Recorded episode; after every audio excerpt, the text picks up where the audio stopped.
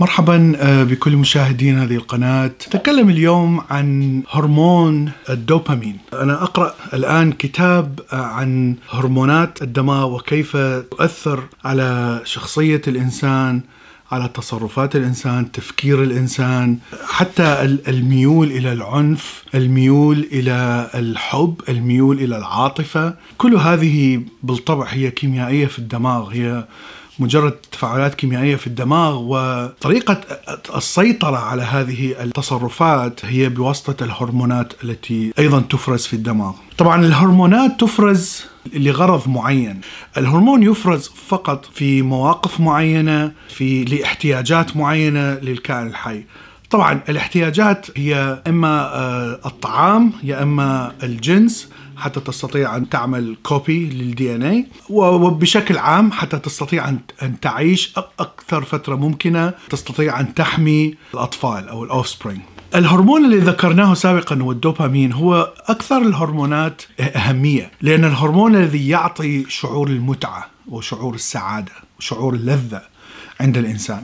الكل طبعا جرب هذا الشعور. عندما نأكل طعام لذيذ دسم سواء كان لحم فيه كثير من الدهون، السمنة، مواد التي فيها كثير من السكر أو الملح هذه الأشياء مبرمجة في الدماغ الإنسان أن يحاول أن يأكلها بسرعة. طبعا الإنسان تطور من قبل ملايين السنين حتى قبل ظهور جنس الإنسان جنس الهومو سيبينز الهومو نفسه جنس الهومو ظهر يعني من قبل نصف مليون أو مليون سنة. ونحن لا نختلف كثيرا عن هذا الجنس من حيث الكيميائية الموجوده في الدماغ. عندما يعيش الإنسان في ذلك الوقت أو الكائن الحي في ذلك الوقت ويعيش في بيئة طبعا صعبة إما غابة أو أدغال طبعا يحتاج أن أن يأكل كل شيء يجده. إذا استطاع أن يجد كمية من اللحم يعني هذا يعتبر شيء عظيم لأنه قطعة صغيرة من اللحم ممكن أن تكفيه عدة أيام. يعني يستطيع أن يعيش لعدة أيام بدون ما يأكل. طبعا سيحس بالجوع لكنه يستطيع أن يعيش يستطيع أن يحاول أن يقتات ويبحث عن الطعام خلال عدة أيام. أيضا إذا استطاع أن يجد ثمرة فيها سكر طبعا هذا شيء مهم جدا لأنه إذا أكل هذه الثمرة ستعطيه طاقة. السكر يتحول إلى طاقة داخل جسم الإنسان مما يعطيه طاقة لكي يستطيع أن يستمر في بحثه عن الطعام.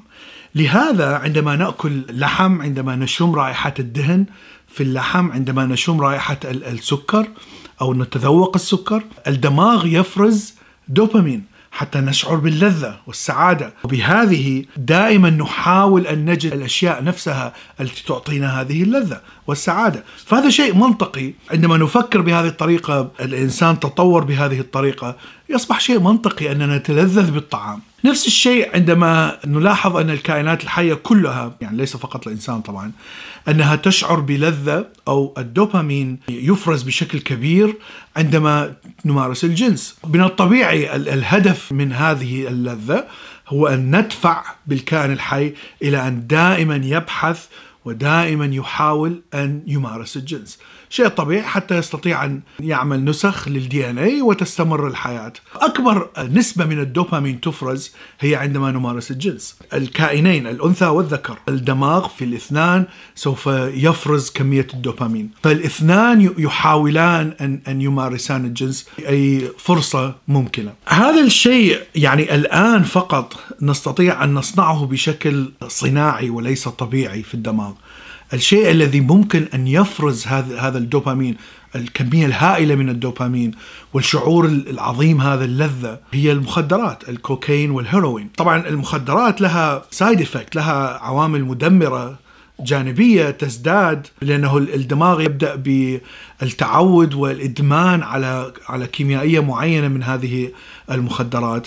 ولهذا يعني يصبح الكائن الحي تقريبا عاطل عن التوظيف بعد فترة. ولهذا هذه أشياء صناعية. يعني هذه أشياء ليست طبيعية ليست موجودة في الطبيعة بحيث تستطيع أن تأخذ جزء من نبات في الطبيعة وتشمه وتنسطل مثلا. لا يوجد هذا الشيء. يجب أن تصنع هذا الشيء تصنع هذا الدواء. عندما نفكر بهذا الموضوع وكيفية عمل الدماغ وكيفيه تحفيز الدماغ للكائن الحي حتى يستطيع أن يأكل ويعيش وينجب أطفال إلى غير ذلك. ونربطها بفكرة الدين، فكرة الدين في الماضي لم يكونوا يعرفوا أي شيء عن الدماغ أو الدوبامين أو أي شيء طبعا، فكانوا يحاولون أن يقولون أن هناك شيئين، الشيء الأول هو وجود كائن آخر مثل الشيطان. يوسوس في داخلك، دائما يحاول أن يدفعك إلى ارتكاب أشياء معينة يعتبرها الدين خطيئة وهناك شيء آخر هو أن هذا الشيء السيء الموجود في في الإنسان هو جزء من النفس أنها ملهمة بهذا الشيء السيء. في الحقيقة يعني فكرة فكرة طفولية جدا، فكرة مضحكة، انك تصور أن الشهوة مثلا شهوة الأكل أو شهوة الجنس، شهوة الامتلاك، حب امتلاك المال، أي شيء يشعرك بسعادة، أي شيء تعمله في الحياة تحس فيه بسعادة داخل، حتى لو كانت سعادة بسيطة، طبعا هناك هناك عديد من الدرجات من هذه السعادة، فحب امتلاك المال هو شيء يساعدك على الحياة ويساعد أولادك أيضا على الحياة.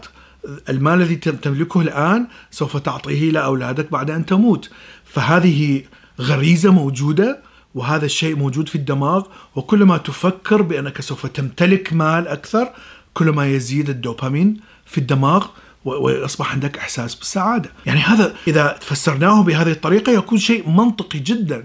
ولا علاقة له لا بشيطان ولا شهوة ولا فجور نفس ولا هذه الأشياء الخرافية. الكتاب الذي أقرأه الآن أيضا يقول أن الدوبامين يزداد بطريقة حتى قبل أن نحصل على هذه الشيء الذي يضمن لنا هذه المتعة. مثلا إذا أنت تفكر أنك ستشتري طعام معين وأنت تحس بالجوع ثم ترى أن هناك شيء لذيذ وشهي جدا سواء كان دجاج مشوي whatever وتحس أنك تمتلك النقود لشراء هذا الشيء وسوف تمتلكه هذا الشيء. هذا الإحساس عندما تحس أنك ستمتلك هذا الطعام اللذيذ سوف يزيد الدوبامين في الدماغ حتى قبل أن تبدأ بالأكل. فالإحساس بأنك سوف تصل إلى هذه المرحلة أيضا يزيد كمية الدوبامين في البرين. وهذا شيء مهم جدا لأنه هذا يعطينا دافع لعمل الأشياء. يعني أنا ممكن أن أبحث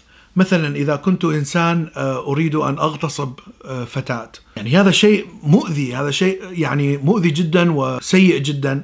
لكن الفكرة التي تستولي على الإنسان السايكوباثي الإنسان الذي لا يحس بأي آه، شعور بالشفقة أو الندم، إنسان من هذا النوع عندما تسلط عليه فكرة أنه سوف يغتصب فتاة ويفكر بها بشكل عملي أنه سوف يبدأ بهذه الخطوات حتى يصل إلى هذه النتيجة.